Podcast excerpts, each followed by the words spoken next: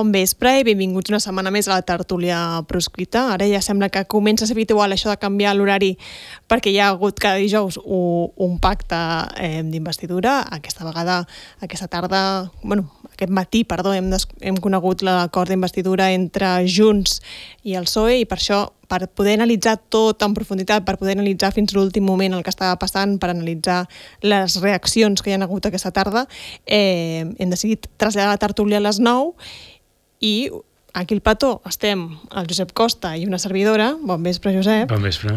però l'Albano el tenim a l'escala perquè és allà on tant el Josep com l'Albano tenien un acte avui i l'Albano ha anat allà en representació dels dos a veure una mica quin era l'ambient. Bon vespre, bon vespre Albano. Hola, Txell, què tal? Bon vespre. Volia preguntar quin eren els ànims aquí a l'escala avui en aquesta conferència? Perquè tu que, Jo has, sí. tu que has pogut trepitjar una mica al carrer, perquè jo només he trepitjat redacció de dir avui. Jo sí hagués de dir, òbviament, en les xerrades el públic és un públic activista, un públic que segueix molt de prop la- la- l'actualitat la, i la política, és a dir, és gent activista i jo he vist un desconcert. un desconcert. Sí. Per començar, si us sembla, per, eh, intentarem analitzar-ho tot, eh? però ja comença a ser com un, una cosa clàssica, diguéssim, demanar-vos un titular de què en penseu d'aquest acord, del que ha passat avui. No sé si em podeu fer un titular els dos. Eh, Josep. Bé, eh, evidentment, eh, a mirada llarga eh, no s'acaba res, la independència és, a, és allà, és el nostre objectiu, però avui s'ha acabat el procés. Avui s'ha acabat el procés, vale? Albano, no sé si un Ostres, titular després d'aquest- pot superar aquest titular. d'aquest titular, Josep, eh, no, jo, a mi, potser no, no, no, no la faré tan àmplia, la mirada, però diré dues coses. La primera, Pedro Sánchez, la primera és un fet, eh? no és una opinió. La- Pedro Sánchez torna a cobrar per avançat, com ha fet Mhm. fins ara. Pedro Sánchez torna a cobrar per avançat, i per un altre costat tinc la impressió, i després ho desenvoluparem, que, que Puigdemont ha intentat vendre com una victòria una cosa que jo crec que no ho és. Per tant, entenc que no us acaba de convèncer aquest pacte, eh, per aquests titulars. No, No. I, i jo crec que tampoc eh, el mateix president en el seu discurs transmetia que ni ell mateix es cregués el que estava fent. És a dir, el contrast entre el discurs del 5 de setembre, quan va plantejar les seves condicions, que va transmetre dignitat, fermesa i convicció, avui ha transmès tot el contrari. Jo, jo avui un comentari que he vist, per exemple, a les xarxes, no? l'Antonio Baños deia, ostres, mm, soc, algo, deia algo així com, soc jo o no he entès res? És a dir, en el discurs de, De on, te, on, te, on te Puigdemont va posar les condicions, s'entenia molt bé tot. Uh -huh. i transmetia aquest, que després podríem debatre si el que deia tenia més fonament o no, però transmetia una cosa que jo crec que avui no transmetia. I, i, i per tant, insisteixo, estem, estem en la- en l'apartat de titulars, no? Encara, pues, a mi em preocupa eh, sigui, ens podem fiar més o menys de Puigdemont i de Junts, però és que havíem après a no fiar-nos del PSOE. I el pacte, en realitat, és una demostració de fiar-se del PSOE. I després, suposo que després entrarem, no, no, no vull dir-ho tot, tot a la vegada, però el que veig és que Junts, en aquest acord, ha renunciat, o sigui, ha acceptat acatar el marc constitucional. Vull dir, ho, ho diu, ho diu l'article 92, és el marc, no hi ha unilateralitat, s'ha renunciat. Recordeu que Yolanda Díaz deia si hi ha amnistia han de renunciar a la, a la unilateralitat, ho deia Yolanda Díaz i molta més gent. Mm. Clar, quan en l'acord es diu que Junts i el PSOE accepten que la manera de solucionar el conflicte és amb l'acord, vol dir que si el PSOE no està d'acord, no es farà. Per tant, eh, aquestes són les qüestions que em preocupen i i vull, vull saber la vostra opinió també, però mm, me, me costa no veure que hi ha una renúncia implícita a la unilateralitat en aquest document. Que s'ho tenen guardat i ja ho faran? bueno, ja ho veurem, però en el document, de lo que surt del document, surt això. Ell en el discurs avui de Puigdemont no venia a dir això, més aviat venia a dir per dir, per fer el mateix que s'han fet els darrers quatre anys, jun, junts no fa cap falta. Deia això avui Puigdemont. Aleix, no sé si em pots posar el vídeo. Vull subratllar que per arribar fins aquí nosaltres no hem hagut de girar full. No hem hagut de fer allò que pretenen encara alguns.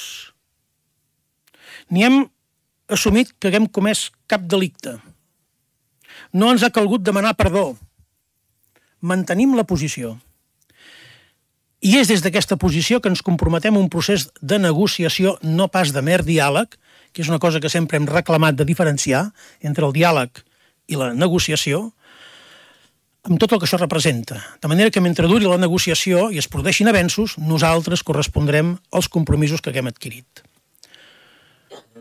Però ho farem en un context i condicions en què, malgrat les grans diferències de mida i de poder dels uns i els altres, podrem asseure'ns en una taula de reconeixement mutu, de respecte al que representem i davant d'una tercera part que facilitarà que puguem arribar a acords que fins ara, en totes les negociacions bilaterals anteriors que han existit entre Catalunya i Espanya, no havíem estat capaços d'assolir. És innegable que les relacions entre el Partit Socialista i Junts no convida a l'entusiasme ni a la confiança. No faríem cap favor negant l'evidència. I en aquest sentit, els dos partits són honestos a subratllar l'enorme distància que ens separa, fet que personalment crec que posa en valor el camí que puguem recórrer a partir d'ara. Ell parla de cor inèdit i veig que vosaltres en realitat ho veieu com continua sent el mateix que Esquerra o hi ha alguna de diferent amb, amb el pacte de la setmana passada? Jo crec que hi ha, sí que hi ha, sí que hi ha coses diferents i jo el, el, el que més m'ha cridat l'atenció és que és una llista de desacords més que una llista d'acords. És a dir, l'acord, eh, el document, parla més dels desacords que, del, que de l'acord. I això crec que en Vicent després ens ho explicarà. Mm. És una mica el, el, el mecanisme en què se solen fer negociacions de, de pau i tal. Però el, el... crec que eh, hi havia aquesta necessitat de poder fer aquest discurs que fa el president, aquesta necessitat tan intensa de poder dir que no havien renunciat a res, que al final han renunciat a arribar a acords. És a dir, eh, han, posat tot allò que no renuncien a canvi de no posar acords concrets, perquè l'únic acord concret que hi ha és el vot a favor de la investidura i la llei d'amnistia. Tot l'altre és eh, la, la predisposició a, a negociar. Bueno, jo entenc que també hi ha l'acord d'aquest mecanisme internacional negociador, vull dir, això sí que crec que, és a dir, no se'ns ha explicat. Això també és una cosa que s'ha de mm. dir. Mm. Sembla avui, que hi ha, hi ha part de l'acord que no s'ha explicat. És a dir, avui s'ha explicat eh, en el paper, eh, sí que surt això, però no s'ha mm. no detallat res de qui serà ni com serà, i per, pel que ha fet del, pel que ha dit en la compareixença a Puigdemont, entenem que no seran públics aquests mm, noms, no ho sé.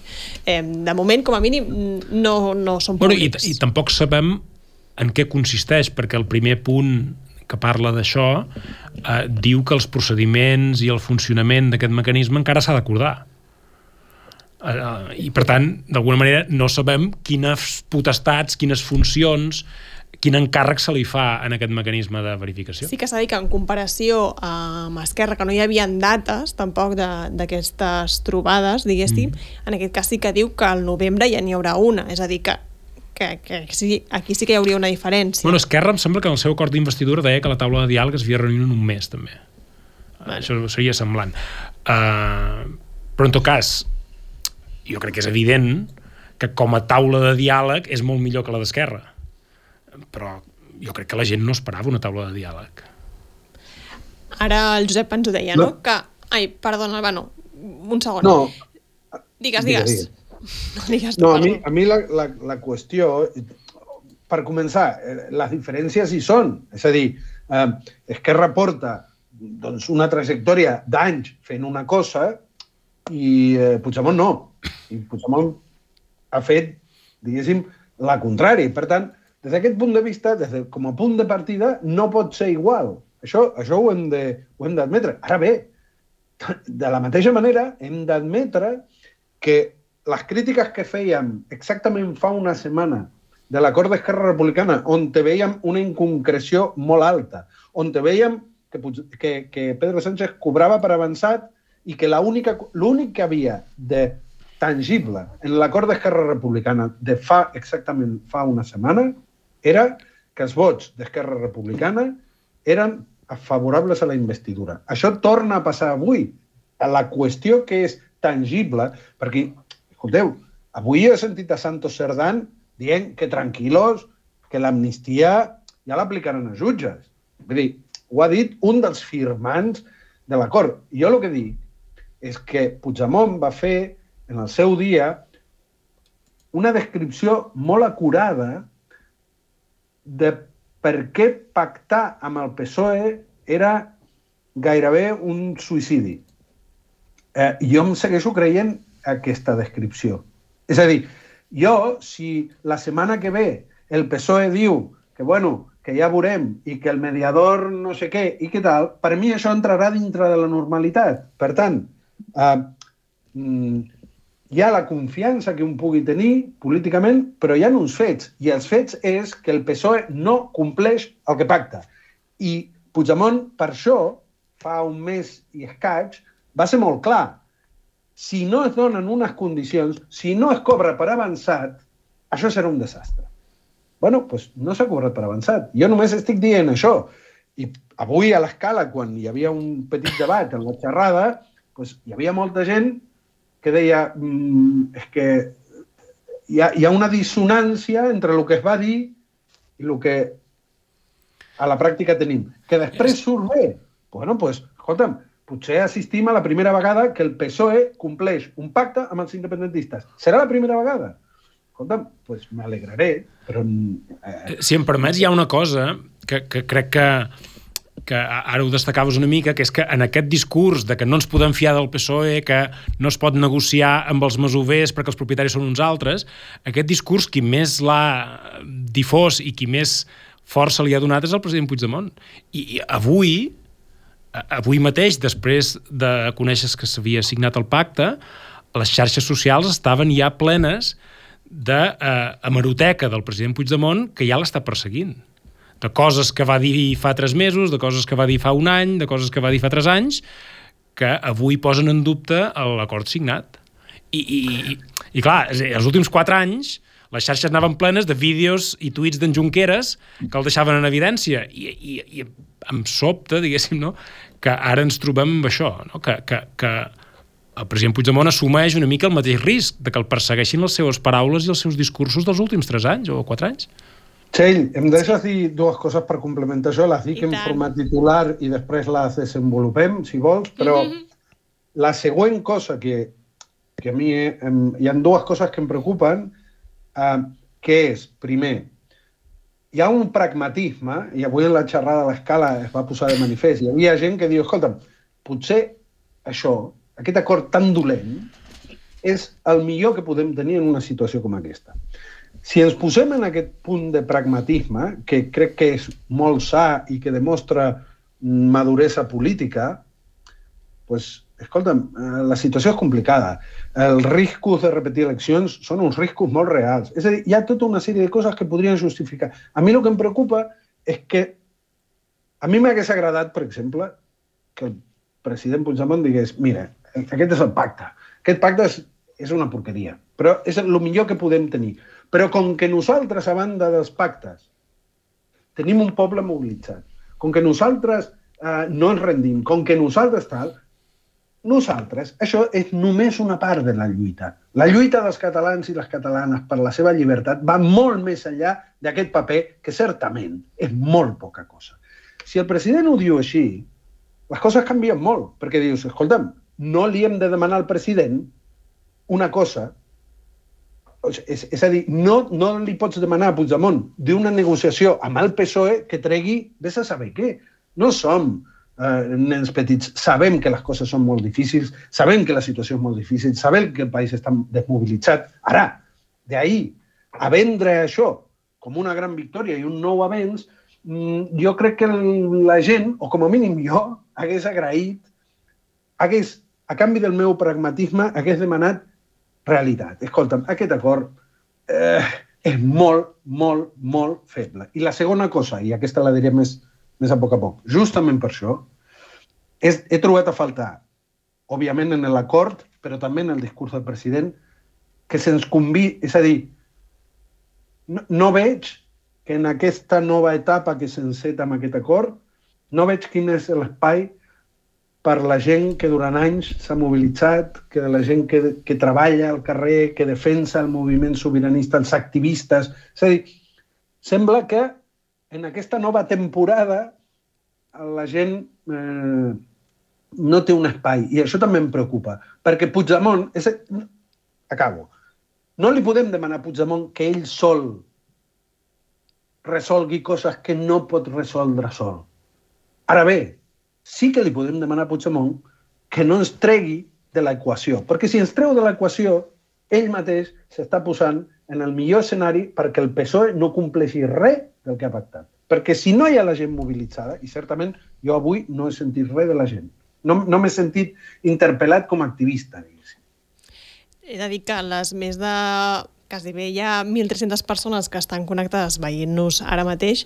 Veig que en el xat de YouTube hi ha molta gent comentant i he de dir que, que hi ha una mica d'opinions de, de tots colors. És a dir, no tothom li sembla malament el pacte, ni tothom li sembla bé el pacte, però sí que veig que, que hi ha gent opinant i debatint també eh, en, el, en el xat. Eh, abans el Josep ho deia, eh, el portal a l'editorial que ha fet d'urgència aquesta tarda obria una porta a analitzar això d'una altra manera, no? d'alguna manera, i deia, això no és un acord d'investidura, no és un acord de legislatura com ha dit el PSOE, això és un acord de pau. I per tant, eh, pensava, podem connectar un moment amb ell per eh, que ens expliqui ben bé per què ho veu així i, i quin és el motiu. No sé si ja està connectat. Bona nit, Vicent. Hola, bona nit. Bona nit. Eh, gràcies per connectar-te des de la redacció, que avui és un dia molt complicat, però això, què, per què creus que és, estem parlant d'un acord de pau? Sí, jo en l'editorial que avui hem publicat extraordinàriament ja a mitja vesprada, eh, el que dic és que m'ha sorprès molt la redacció de l'acord polític, d'aquesta part que coneguem, de l'acord polític, no coneguem encara l'amnistia, i no sabem tots els detalls del, del mecanisme de verificació internacional que segurament és el que té la clau.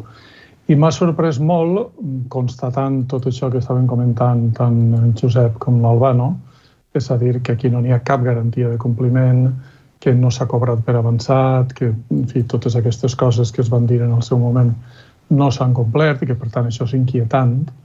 Però un poc des de la meva experiència, si m'ho permeteu, eh, més com a periodista d'internacional i havent vist processos com aquests, um, immediatament m'ha vingut al cap per la forma, per la tècnica de redacció i per la tècnica de resolució del conflicte que s'hi planteja, que més que un acord de legislatura o un acord d'investidura, que evidentment ho són, perquè Pedro Sánchez ja cobra, ja és investit, ja veurem si acaba la legislatura, però ja és investit. Mm -hmm. Evidentment això ho és, però sobretot a mi m'ha vingut al cap eh, que això és més que va més en l'estil dels acords de pau i de resolució de conflictes, com podria ser Colòmbia, com podria ser Irlanda, com podrien ser altres, òbviament salvant totes les distàncies, eh? però sobretot per la tècnica de resolució. Per exemple, eh, és, seria ridícul eh, que en una investidura normal, ara hauran d'investir un nou president a Portugal, per exemple, doncs seria ridícul que un partit firmaren un pacte en el que un digués jo vull el referèndum d'autodeterminació i l'altre digués jo vull l'Estatut de Pasqual Maragall. No cap sentit això en, una, en un acord d'investidura, és, és ridícul, no? En un procés de pau no, perquè en un procés de pau precisament s'inverteix a la forma de negociació i es parteix de la diferència. És a dir, cada un diu la seva situació i aleshores no són els partits que negocien entre ells i que diuen ah, doncs farem això, farem allò, sinó que és el mecanisme de verificació el que treballa quin és el següent pas. És a dir, si això s'acosta, a, si el mecanisme de verificació, que encara no sabem quin és, però que, del qual sí que sabem dues coses importants, que és internacional i que els noms ja han estat pactats. Veurem si es diuen o no. La majoria de mecanismes de verificació són molt discrets. però sabem que n'hi ha un mecanisme de verificació acceptat pel PSOE, i que és internacional i que els noms estan pactats. La tècnica, si això entra en els paràmetres d'un procés de pau, més que no d'un procés de, de legislatura, la tècnica és aquesta. És a dir, jo dic que jo vull el referèndum d'autodeterminació, tu dius que tu vols l'Estatut de Pasqual Maragall i és feina del mecanisme de verificació anar avançant, anar desbrossant el camí per trobar una solució al problema que el problema sí que es defineix i el problema està claríssimament definit en, en l'acord perquè el PSOE compra la narrativa independentista i això no es pot menys tenir tampoc. Hi ha un problema nacional que ve de la, de la nova planta i que ve, per tant, de la dissolució de les institucions sobiranes i independents eh, catalanes i que es concreta els últims anys a partir del rebuig per part del Constitucional a l'Estatut, en una situació que el PSOE reconeix que sis anys després, sis anys després de què? De proclamar la independència, hi ha un conflicte polític, no està resolt i s'ha de resoldre només per les vies polítiques. Ara, per això jo dic eh, alerta que segurament estem davant d'una cosa diferent a la que pensem que estem. Ara, no tenim cap garantia no tenim cap garantia de que el PSOE complirà perquè no ha complit mai. En aquesta ocasió, mm, el president Puigdemont ha dit la garantia és que nosaltres no els votarem els pròxims pressupostos. bueno, ja ho veurem, ja veurem si això és així. Uh, I sí que és veritat que n'hi ha una garantia que seria que realment aquest mecanisme internacional de verificació fos un mecanisme realment poderós. És a dir, que tingués autoritat, perquè aquesta és la clau dels processos de pau. La clau d'un procés de pau és que les dues parts concedeixen autoritat a un tercer per desbrossar el camí i per indicar com s'ha de resoldre el problema que les dues parts han acordat que existeix. Les dues parts han acordat que existeix el problema, que el problema és que sis anys després de la proclamació d'independència continua havent un conflicte polític que no pot ser resolt si no és per la via política i han, han accedit a accedir a aquest mecanisme internacional. El PSOE respectarà l'autoritat d'aquest mecanisme internacional? Tinc molts dubtes, sincerament. Eh, també dependrà, i amb això crec que ja he dit massa coses, de la, de la tensió i, i tot el que pugui passar a Espanya, perquè, evidentment, eh, una lectura que tots fem és que això estabilitza Espanya, però mirant les imatges que ens arriben de Madrid i tot el que està passant, tampoc tinc clar jo de que això precisament estigui estabilitzant Espanya. Una última pregunta, Vicent, eh, perquè veig que el xat s'ha omplert quan has començat a parlar d'això d'una altra taula. És diferent que la taula de diàleg que això? No, no, és que això no té res a veure amb la taula de diàleg. I aquí, ha, eh, aquí jo crec que ens generem una confusió. És a dir, aquest, això no té res a veure, això no és una taula de diàleg, no té res a veure.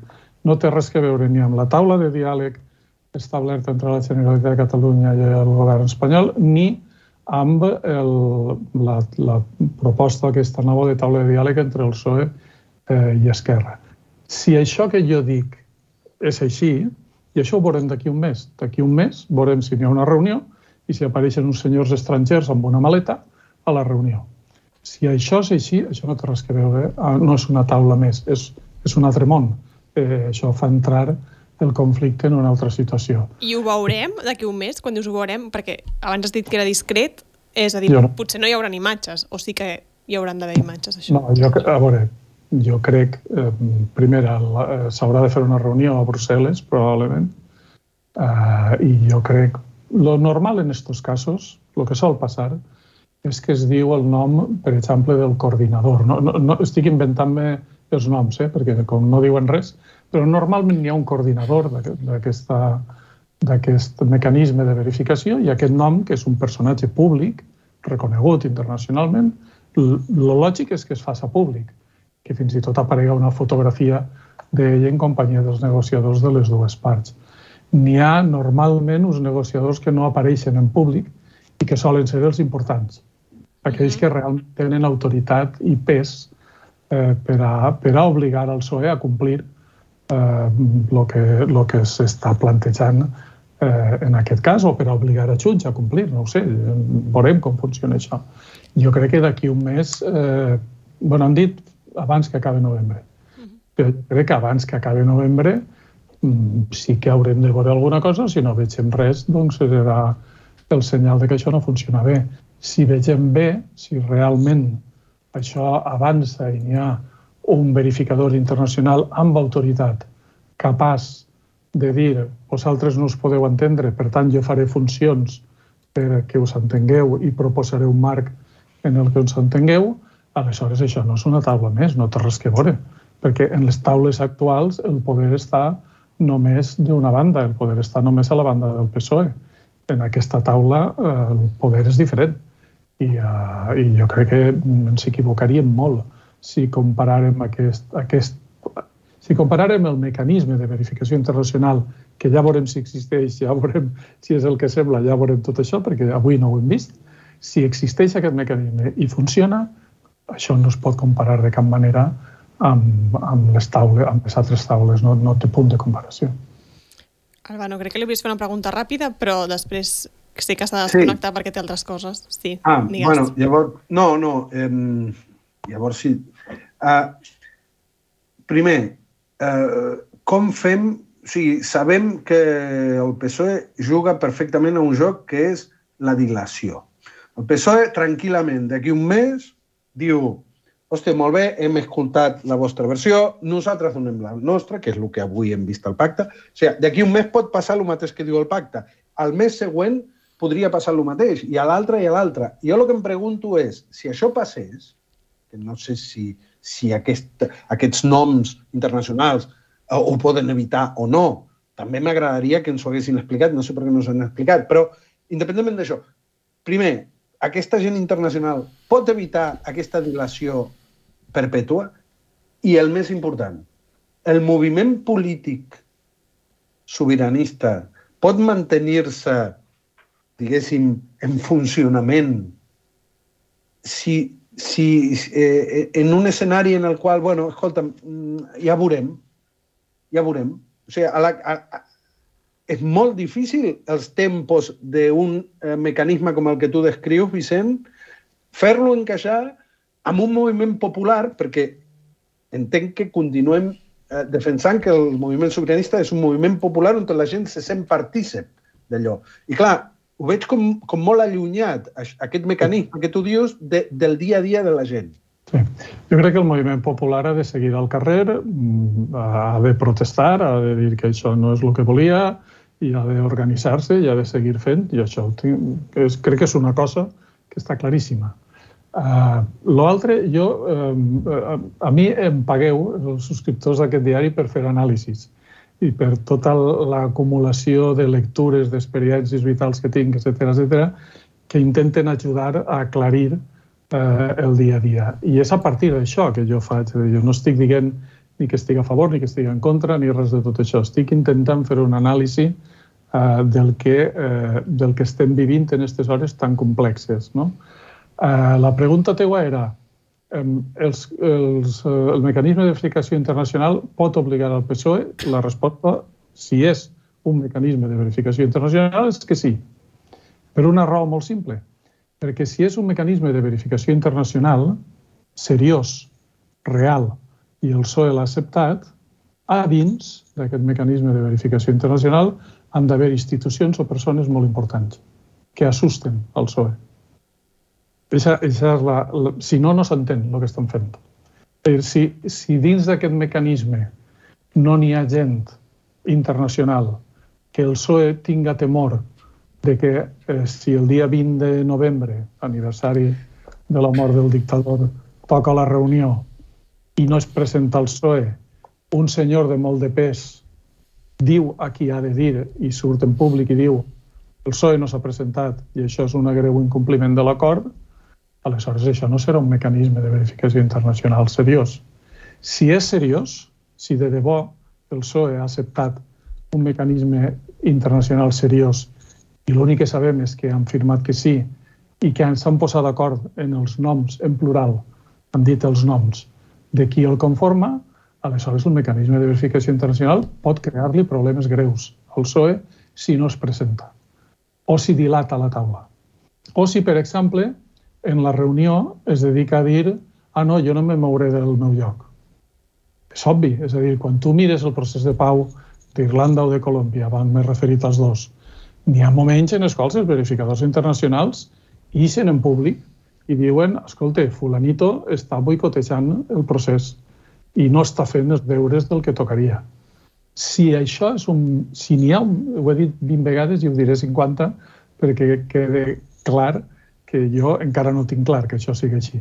Però si realment s'han posat d'acord en un mecanisme internacional de verificació, o i tant, que aquest mecanisme internacional de verificació pot obligar al PSOE a comportar-se d'una manera diferent a com ho està fent en les altres taules. Segur, perquè si no ho fa, tindrà un cost europeu molt car el PSOE.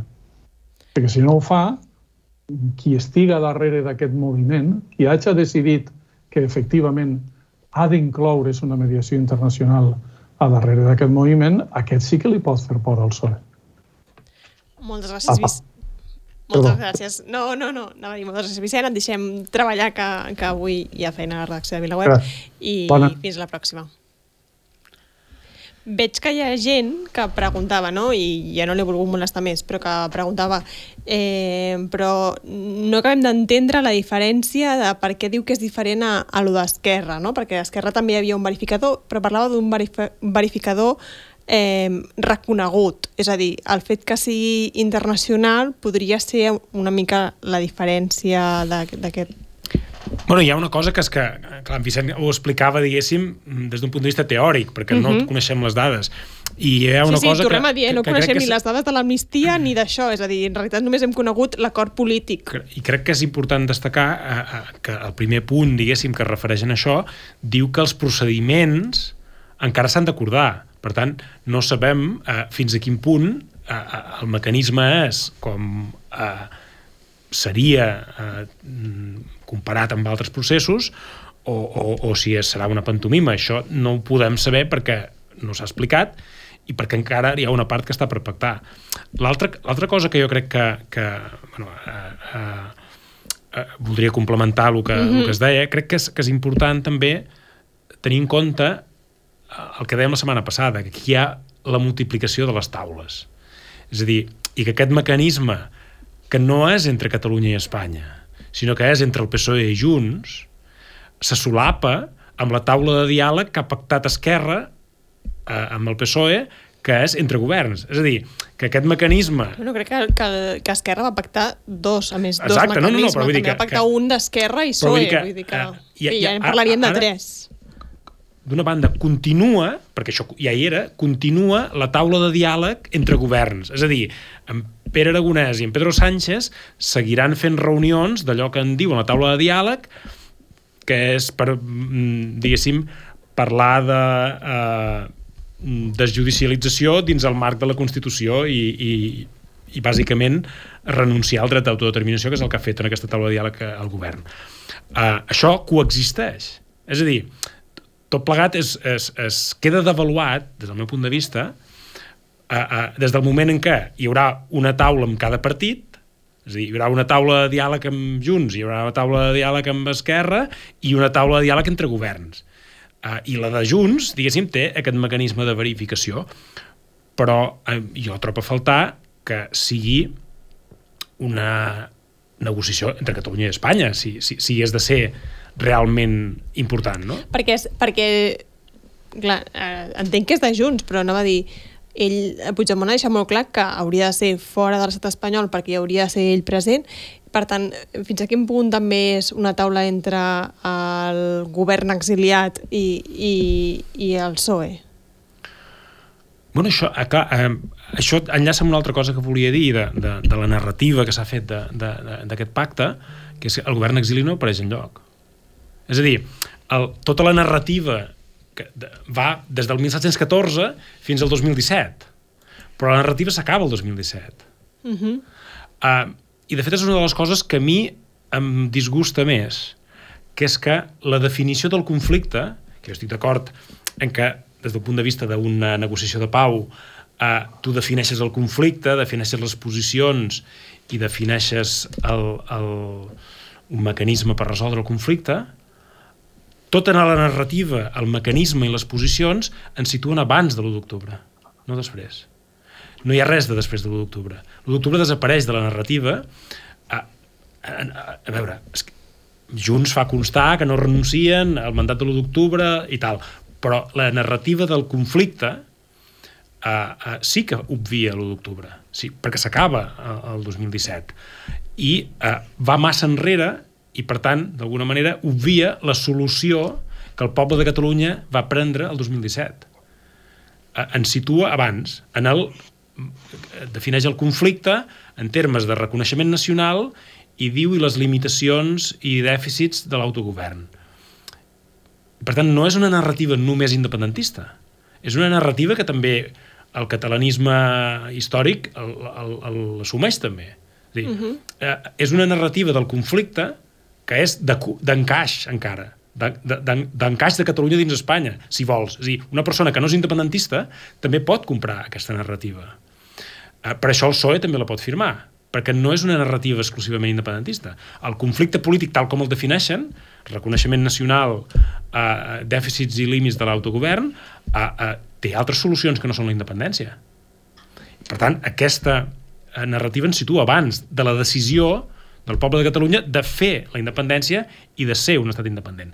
I, i hi ha una altra cosa que també, abans ho apuntava Gran Albano, que és molt important, que és que la posició de Junts, que diu aquesta és la nostra posició de partida o la nostra posició eh, fonamental en aquest conflicte, diu que eh, és un referèndum dins l'article 92 de la Constitució. Ho diu explícitament. No diu aquesta és la solució, diu la posició de Junts, la reivindicació fonamental de Junts, és un referèndum de l'article 92 de la Constitució. Això és el que demanaven els comuns. No, no, però això és molt important i, i, i la clau és el que, és el que ve després. L'article 92 de la Constitució parla d'un referèndum consultiu. Per tant, vol dir que de punt de partida Junts ni tan sols demana un referèndum vinculant. Això m'ha sobtat molt a mi, perquè això et situa abans de l'1 d'octubre, et situa al 2014, et situa en, en, i a més et situa dins el marc constitucional espanyol. Crec que també en vàrem parlar la, la setmana passada, no? de com aterràvem el conflicte internacional, el, el, la, el, la narrativa del dret internacional, la tornàvem a posar dins la gàbia jurídica espanyola. A mi em sobta que Junts situï la seva reivindicació de màxims, perquè en aquest acord es posa la reivindicació de màxims de cadascú, que Junts hi posi un article de la Constitució espanyola. Em sobta molt, que més és la que defineix un referèndum no vinculant, un referèndum consultiu. I, per tant, eh, eh, hi ha una hi ha una superació, hi ha una eh, no sé, una diguéssim Sí. Ara no em surt la paraula. Hi ha, per, perquè no vull dir una renúncia a l'1 d'octubre, és una deconstrucció de l'1 d'octubre. És a dir, es situa tota la narrativa i tot el mecanisme de conflicte de resolució com si l'1 d'octubre no hagués existit. Anava a dir que diu exactament, eh, pel que fa a l'àmbit de reconeixement nacional, Junts proposarà la celebració d'un referèndum d'autodeterminació sobre el futur polític de Catalunya emparat a l'article 92 de la Constitució. Per la seva banda, el PSOE defensarà l'ampli desenvolupament a través dels mecanismes jurídics oportuns de l'Estatut del 2006, així com vale. el desplegament i el respecte a les institucions de l'autogovern a la singularitat institucional cultural eh, institucional, cultural i lingüística de Catalunya. Val, Vull dir, perquè sí. sapiguem exactament el que això, diu l'acord. Això que has llegit, sí. vull dir, um, que potser és molt bona idea, eh? Mm, faré una mica com feia en Vicenç. Mira, faré... Perdona que t'interrompi. El Tribunal Constitucional ja ha dit que per la via de l'article 92 no es pot fer un referèndum sobre la independència de Catalunya. Val. Però anem a, anem a suposar que, que escolta'm, que s'ho repensa el Tribunal Constitucional. Jo el que dic és que en això que acaba de llegir la Txell, i crec que no és una opinió meva, crec que és la literalitat de lo que acaba de llegir la Txell, és una renúncia, no vull dir a la unilateralitat, és una renúncia a la idea base de l'1 d'octubre. La idea base de l'1 d'octubre i de tots els anys previs a l'1 d'octubre era que dintre de la Constitució espanyola, dintre la monarquia espanyola, no es podia fer efectiva la llibertat del poble de Catalunya. És, és a dir, el procés d'independència, el moviment sobiranista, es basa en l'assumpció, en, en, en, el, en el reconeixement de que dintre de la Constitució espanyola, de que sota els Borbons, els catalans no tindran mai la independència. El que acabes de llegir, Txell, el que diu és que Junts accepta que el límit de la seva acció és la Constitució espanyola. Ho dic, és que, dic que no és una opinió perquè crec que és explícitament el que diu el document i crec que és això el que ha portat al PSOE a signar-ho. El PSOE demà, Pedro Sánchez, en el debat d'investidura, es pot presentar davant la càmera i dir, senyors, mireu, aquí diu que aquells senyors de Junts m'han dit que respectaran la Constitució espanyola i respectaran tota la estructura de la Constitució espanyola, des del Borbón hasta l'últim policia nacional. És que po, però això, posem, per, posem per cas que això... Això no ho diu, això no ho diuen. Posem per cas, però posem per cas que... Vull dir, el document no diu que respectarà. Perdó un segon, cenyim-nos el que diu l'article 92. Jo crec que el document sí que diu que no renunciarà a la, unilateralitat. Correcte. El, el que diu... Si, si, el teu punt de màxim. No. Cenyim-nos a l'article 92. És a dir, suposem, no, suposem que Junts només acata l'article 92 de la Constitució, que és el que reivindica, diguéssim. No? És a dir, Junts diu la nostra posició és aplicar l'article 92 de la Constitució per fer un referèndum sobre el futur polític de Catalunya que l'etiqueten d'autodeterminació. Jo crec que un referèndum consultiu no és un al, referèndum d'autodeterminació. És a dir, que jo entenc que la seva posició que portarà en aquesta... A la taula, a la, al punt de partida. El punt de partida. El punt de partida de Junts en aquesta negociació és fer un referèndum amb l'article 92 de la Constitució. Per tant, oblidem-nos de tot, tota la resta que diu la Constitució i fins i tot de la jurisprudència del Tribunal Constitucional. L'article 92 de la Constitució diu que el referèndum el convoca el govern d'Espanya prèvia autorització del Parlament espanyol. És a dir, estàs, estàs junts, la seva posició de partida de màxim en aquesta negociació és que Espanya organitzi un referèndum sobre la independència de Catalunya. Bueno, per això, per això estic dient que el que dic és que és una acceptació de que el límit màxim al qual es pot aspirar és a que Espanya doni el permís per, per exercir aquell dret. Només jo, jo, jo crec que jo, jo eh, la meva opinió, i, i aquí sabeu que normalment no la dono jo l'opinió, eh? però eh, jo llegint el text no entenc que uh, Junts renunciï a convocar un referèndum si no s'arriba a cap acord en aquesta... És a dir, que dins d'aquesta aquest, negociació amb els socialistes, ells uh, rebaixen a poder arribar a aquest acord via referèndum, però en cap moment veig que diguin no, no, si això no funciona nosaltres eh, no farem un referèndum un, unilateralment. Jo crec que això no està mm. especificat aquí. No, no, en realitat, clar, no, no, Bueno, però... Ningú, ningú ha dit això, és a dir, si, si es trenquen els pactes, eh, després eh, cadascú farà el que voldrà, fins i tot els pactes no, d'Esquerra... No, no, però fins i tot els pactes d'Esquerra també diuen que, eh, renuncien a coses i es comprometen a coses, però si els pactes es trenquen, fora dels pactes cadascú sí, farà el que cregui convenient. Que, que en aquest cas, per exemple, diu, d'una banda, Junts considera legítim el resultat i el mandat del referèndum de l'1 d'octubre, així mm. com la declaració d'independència del 27 d'octubre del 2017. Mm. D'altra banda, el PSOE nega tota la legalitat i validesa del referèndum i a la declaració i manté el rebuig a qualsevol acció unilateral. Però entenc que és el PSOE diu que rebutgem això i, i Junts continua mantenint aquesta posició amb l'altre. És a dir, que no ha renunciat a, a l'1 d'octubre, Junts. Vale, però jo, jo, vull, jo vull anar una mica més enllà en, en l'apartat de la descripció, aquest anàlisi conjunt que fan Junts uh mhm. -huh. i el PSOE, fan un anàlisi conjunt de, escolta'm, com, com hem arribat aquí, no? Una mica uh -huh. com ha anat la cosa, i comencem el, 2000, el 1714 i, i continuem. Um, hi ha una cosa que m'ha cridat molt l'atenció, i és que fixa't que diu, escolta'm, eh, clar, el poble de Catalunya doncs, tenia uns anells i no sé quins no sé quantos, eh, el tribu es va fer un estatut, eh, el PP va demanar la, eh, l'anul·lació i el Tribunal Constitucional ho va anul·lar i, per tant, la gent a Catalunya doncs, va veure que en l'acord d'Esquerra Republicana la una cosa similar. I el PSOE. O sigui, lo de l'Estatut va ser el PP i el Tribunal Constitucional només.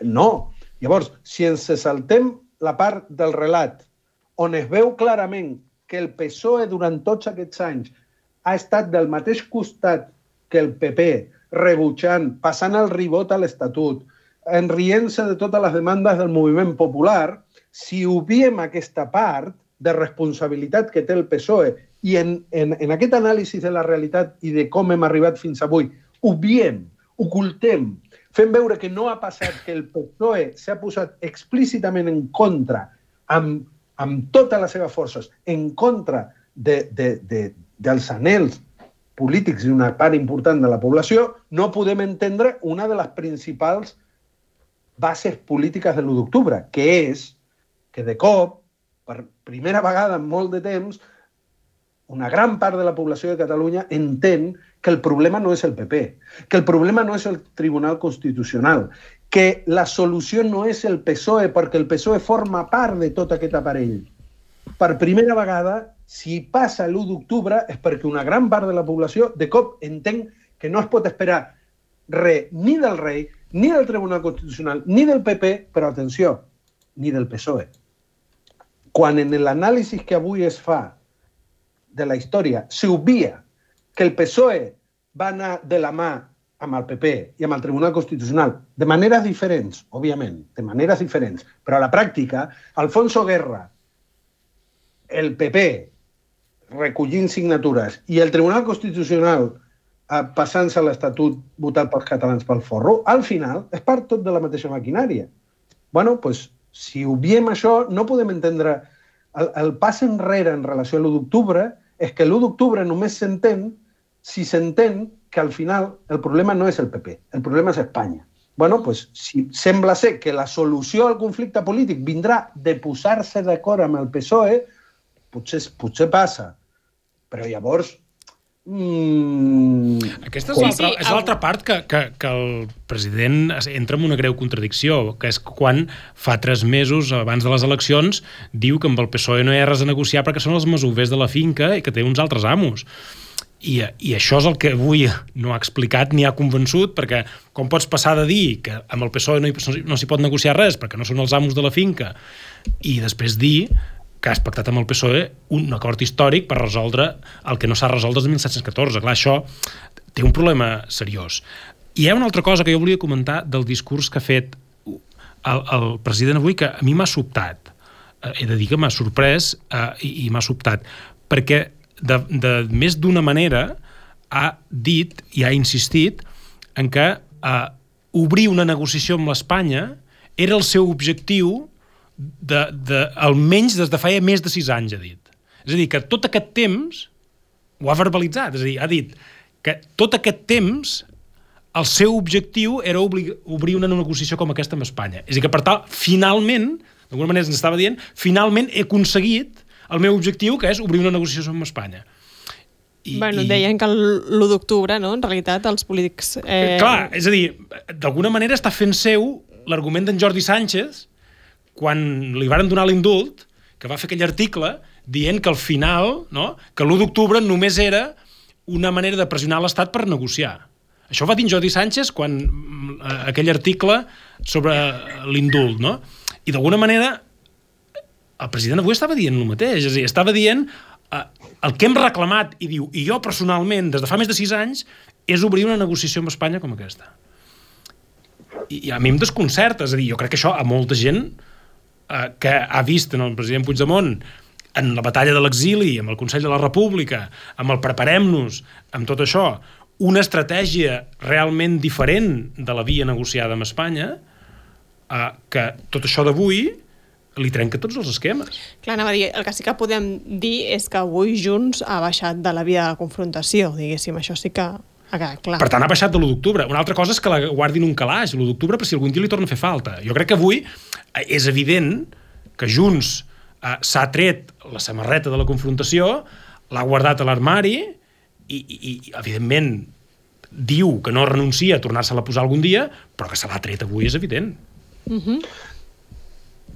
Digues, um, No, no, eh, vaig mirant el rellotge perquè se'ns se acaba la, la, la hora de tertúlia i una cosa que hem parlat avui a l'escala amb, amb la gent que, que havia vingut a la xerrada, de dir, bueno, escolta'm, eh, la setmana passada estàvem amb Esquerra Republicana, aquesta setmana estem amb el pacte de Junts, i jo insisteixo molt, quin lloc ens queda a, a, als activistes, a la gent que en teoria, i, i, i estem parlant, i, i vull pensar que estem parlant encara d'un moviment polític de base popular que empeny i, i, i, i intenta marcar el pas des de baix cap a dalt. Uh, estem en una fase on hi ha uns acords en el Congrés d'Espanya, que són unes eleccions espanyoles, uh, jo voldria que malgrat que aquests dies toca parlar tant de lo que estan fent els partits, escolta'm, que facin, que facin, i escolta'm, que potser en treuen alguna cosa. Jo no crec que Esquerra Republicana tregui ni mitja gestió de mig tren. No ho crec. No crec que aquesta taula mm, verificada internacionalment porti gaire lluny. No ho crec. Però escolta'm, que ho provin. Mm, potser, com a moviment popular, hem de dir, bueno, ells que facin el que vulguin, que facin el que puguin, però nosaltres hem de tenir una agenda pròpia. I quan dic nosaltres, parlo d'un munt de gent, que alguna pot seguir votant amb uns o amb els altres, però és que ens hem d'independitzar també de que ens marquin l'agenda els pactes que Esquerra i Junts facin amb el PSOE. No ens poden marcar l'agenda si volem continuar ser un moviment popular de baix a dalt. Si no, certament, i això és la cosa que m'apenava d'haver trobat a faltar en l'acord, potser en l'acord no tant, però en les paraules de Puigdemont, una invitació a continuar sent un moviment popular. Um, I avui era el dia de, de dir, escolta'm, nosaltres hem de fer això perquè som uns diputats que estem a Madrid, però el moviment popular va molt més enllà. És que crec, si ens Albano... Esperant, si ens quedem esperant aquestes taules de diàleg, les comissions bilaterals i els acords internacionals de no sé què, no, anem en lloc. Per tant, què els volen fer això? Que ho facin. Que volen guardar la samarreta de la confrontació? Que la guardin.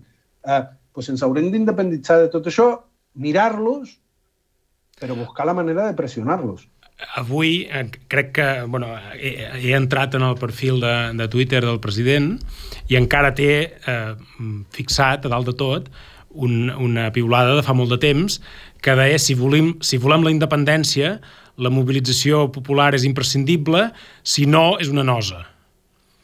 Uh, I per tant, estic completament d'acord amb tu que els independentistes hem de voler mobilització popular i, eh, i no ens hem de deixar absorbir per les batalletes polítiques, per les batalles de partits que, ens, que, que, que desmobilitzen. És a dir... Però que sí que les hem de criticar i analitzar no, no, no, com a moviment, perquè no, el hem... moviment independentista va avançar quan la gent des del carrer li marcava el pas i criticava el que feien els partits. Absolutament. tant... El, el moviment popular va néixer com un moviment d'oposició a l'establishment autonòmic que havia pactat l'Estatut i havia fracassat. És a dir, havia, tot, tota la classe política autonòmica va fracassar i va ser escombrada per un moviment popular independentista que li va dir que havia fracassat. I, i, i d'alguna manera, record el que deies la setmana passada, ara s'ha de construir l'oposició en aquesta negociació eh, que s'obre ara. És a dir, els, eh, els que només servim per la unilateralitat, perquè, clar, és a dir, si tu guardes en l'armari la samarreta de la unilateralitat perquè no et fa falta, d'alguna manera estàs guardant a l'armari tota una base d'activistes que només servim per la unilateralitat. Per fer taules de verificació internacional no ens necessiten. I, eh, per tant, tenim, eh, ens situa d'alguna manera fora d'aquest sistema, fora d'aquesta jugada eh, eh, eh, construint un, una alternativa, una, una alternativa que és per, per, per reconstruir com varen reconstruir el 2009. Jo la, la setmana passada deia que havíem retornat al 2006, l'Esquerra Republicana havia tornat al 2006 i avui he tornat eh, eh, junts. A mi em sap molt de greu, però jo ho vaig dir abans de les eleccions, vaig recordar més d'una vegada en forma d'advertència que el 2008 la segona investidura d'en Zapatero la va fer Convergència i Unió i estava molt clar que estava dient compte que la segona investidura d'en Sánchez no la pot fer junts. Doncs aquí som.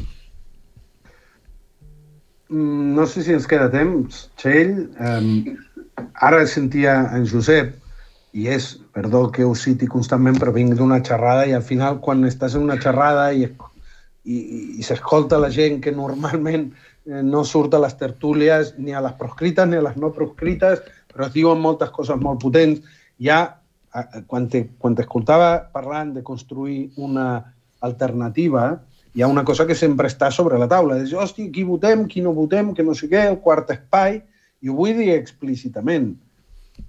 Ho dic perquè, per exemple, fa dos dies amb en Josep també vam estar en una xerrada on va sortir aquest tema. Si davant del que està passant tota la discussió és a qui votem ara, no farem res. Ens equivocarem sí, molt.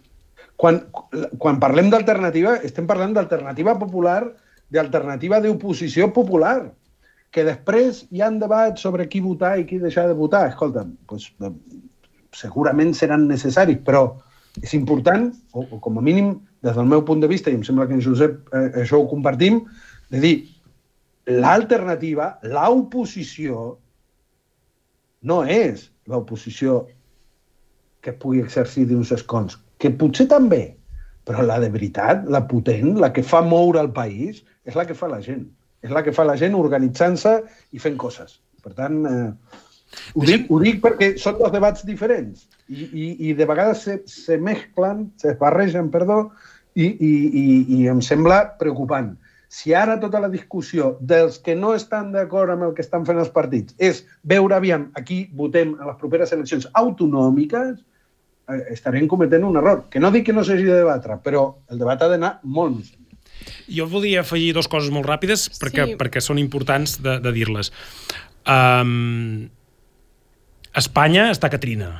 No, anava a, dir, anava a dir, dir, volia parlar un moment, ja sé que, que és internacional, costa, però volia parlar un moment de, de Madrid, havíem de connectar amb l'Oriol Balbé, que, que el tenim a, a Ferrat, però bueno, eh, hi ha molta gent i, i diguem-ho clar. Hi ha un problema de catalanofòbia. Hi ha un problema de catalanofòbia i per tant ara mateix no podem contactar amb ell perquè no pot sortir de Ferraz i per tant posar-se allà a parlar català segurament no seria el més, el més segur ara mateix per, per l'Oriol eh, i llavors eh, no, no, no connectarem amb l'Oriol però sí que hi ha moltíssima gent a Ferraz eh, l'ambient és caldejat diguéssim, enfadats eh, avui hem viscut declaracions eh, tant de Feijó com de Bascal dient coses com aquestes.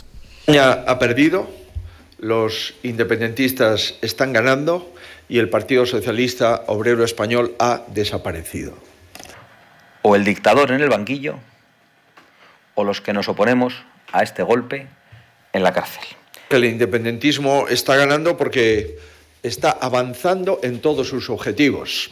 Y lamentablemente, y digo lamentablemente, el Partido Socialista Obrero Español está desapareciendo. El anuncio... Doncs deia això, no? És a dir, eh, nosaltres tenim aquesta visió, però la visió de, de Feijóo i, i Abascal és que l'independentisme ha guanyat i que hi ha una dictadura de, de Sánchez, és a dir, que tenen una visió completament di diferent a la nostra. De fet, eh, avui a Ferraz s'ha arribat a sentir, bueno, ja fa dies, eh, però avui crec que amb més força que mai, eh, Sánchez a prisió. Vull dir, eh, ja no demanen la prisió de Puigdemont, demanen ja. la prisió de, de Sánchez. No, eh, jo, jo, Txell, o sigui, uh, hi ha una màxima, no?, mm, crec que són els irlandesos, no?, que deien eh, els problemes d'Anglaterra són les oportunitats d'Irlanda, no? Per tant, era, era així, no?, la frase, sí, Josep? Sí.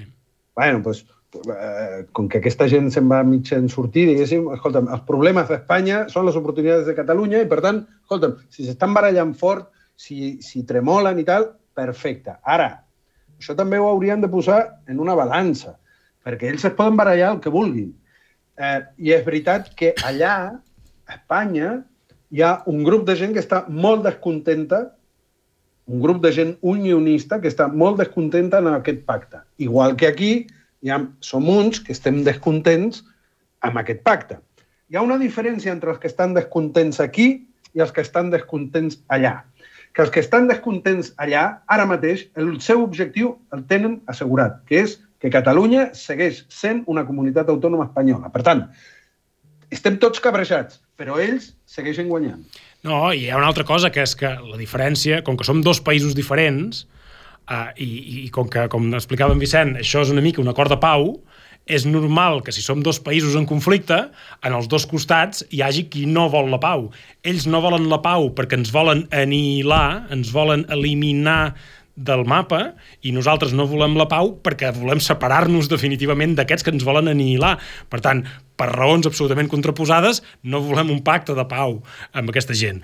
Però, uh, uh, uh, per tant, escolta'm, cada vegada que hi ha acords, que hi ha investidors, és a dir, des de que en Pujol investien en Felipe uh, González, uh, que cada vegada que hi ha pactes polítics a Madrid, hi ha catalanofòbia. I allò és la batalla política espanyola que utilitza la catalanofòbia pels seus interessos partidistes en clau espanyola. Per tant, que algú de nosaltres, a casa nostra, faci servir la reacció catalanòfoba com un mèrit dels acords que es fan, eh, ho hauríem de treure de l'equació. És a dir, perquè ens han estafat mil vegades mentre ens insultaven i ens deien que ens ho quedàvem tot. Però el que hem vist, per, entenc eh, el que dius, però el que estem veient avui o el que hem vist aquesta setmana, creus que és exactament el mateix? I l'Aleix m'ha mirat, ja t'has passat de l'hora i ho sé, Aleix. Eh, només un segon. És a dir, jo no crec que el que hem viscut avui sigui el mateix. O bueno, sí? perquè la, la polarització política que hi ha a Espanya eh, eh, és més gran, però al final és a dir, si, si te'n vols anar a, una, a un punt més extrem, la guerra civil espanyola és profundament anticatalana i catalanòfoba, no? Uh Mhm. -huh. Però és una guerra civil espanyola, al final. Sí, sí, però també em, em pregunto, hi ha una manera d'aconseguir la independència que és trencar Espanya? Si suposa la satelització de l'independentisme respecte de l'Espanya menys dolenta, no ens porta a la independència. És a dir, si quan esclata la guerra civil espanyola els catalans ens apuntam a un bàndol espanyol, no ens porta a la independència. Vale. Però si fem servir aquesta pendent del tren, aquesta que sempre hem parlat, i em, aconseguim que es matin, perdó, eh, es matin en film, moltes Políticament. comèdies, Figuradament. figuradament, eh? no, no, no estic eh, cridant Ja a les armes tancaran, eh? Ni a la violència, sí. no. Eh, pr- entre ells, diguéssim, eh, això no ens afavoreix com a moviment? Però això és l'equació, és a dir, uh, uh, hi, ha, hi ha una, un, dos moviments que van absolutament connectats. Uh -huh. Més conflicte entre les dues Espanyes, menys conflicte entre Catalunya i Espanya. Més conflicte entre Catalunya i Espanya, menys conflicte entre les dues Espanyes. Això és matemàtic. Vale, doncs, eh, com he promès a l'Aleix que, que acabaria, Alba, no veig que vas amb el No, dit. no, no, no, només que això últim que ha dit, després m'ho tornaré a posar en un paper i m'ho dibuixaré, perquè era, era matemàtic, però els que som de lletres ens ho haurem de- d'apuntar. Però, et, però et, faré, crec, et faré un tall a Twitter perquè ho puguis escoltar. fem un, ta- fes un tall a Twitter d'aquest moment perquè crec que és interessant. Perfecte. Doncs s'ha fet molt curta avui la tertúlia, però la setmana que ve continuarem parlant d'això seguríssim. Hi ha el debat d'investidura la setmana que ve. I crec que no està confirmat, però sembla que dijous que ve tindrem de nou lío a la tertúlia proscrita perquè crec que pot haver debat d'investidura, correcte. Fins la setmana que ve. Gràcies a tots. Thank you.